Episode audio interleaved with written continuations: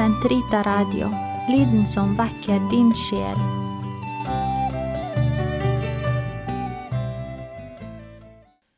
Den katolske kirkes katekisme, uke 44, onsdag 866 til 873.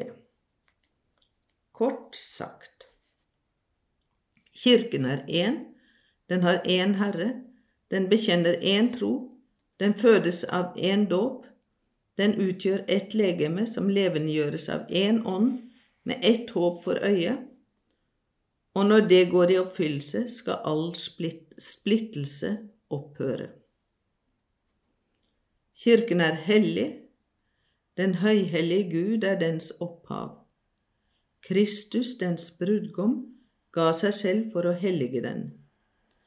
Hellighetens ånd gir den liv.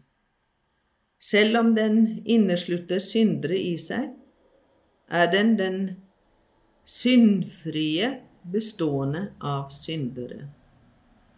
I helgenene stråler dens hellighet frem. I Maria er den allerede fullkomment hellig. Kirken er katolsk. Den forkynner troen uavkortet. Den bærer i seg fylden av midlene til frelse og forvalter dem. Den er utsendt til alle folkeslag. Den får alle mennesker i tale. Den favner alle tider. Den er ifølge sitt vesen misjonerende. Kirken er apostolisk. Den bygger på varig grunn.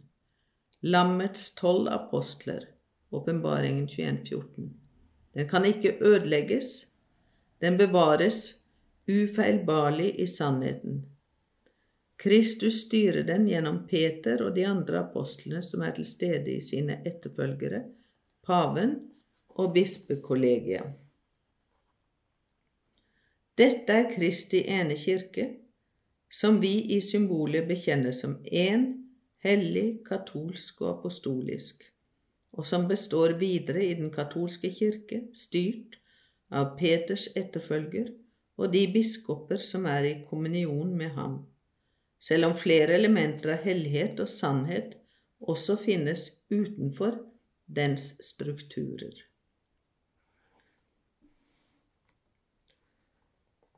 Fjerde avsnitt Kristi troende hierarki, legfolk, ordensliv.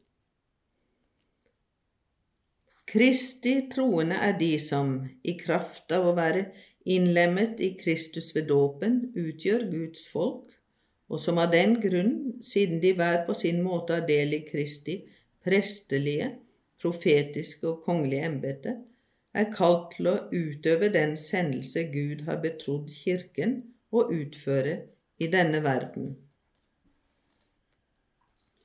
Fordi de er gjenfødt i Kristus, er det virkelig likhet mellom alle Kristi troende, hva verdighet og virke angår, og i kraft av denne likhet samarbeider alle i oppbygningen av Kristi legeme, alt etter hver enkelts rang og tjeneste.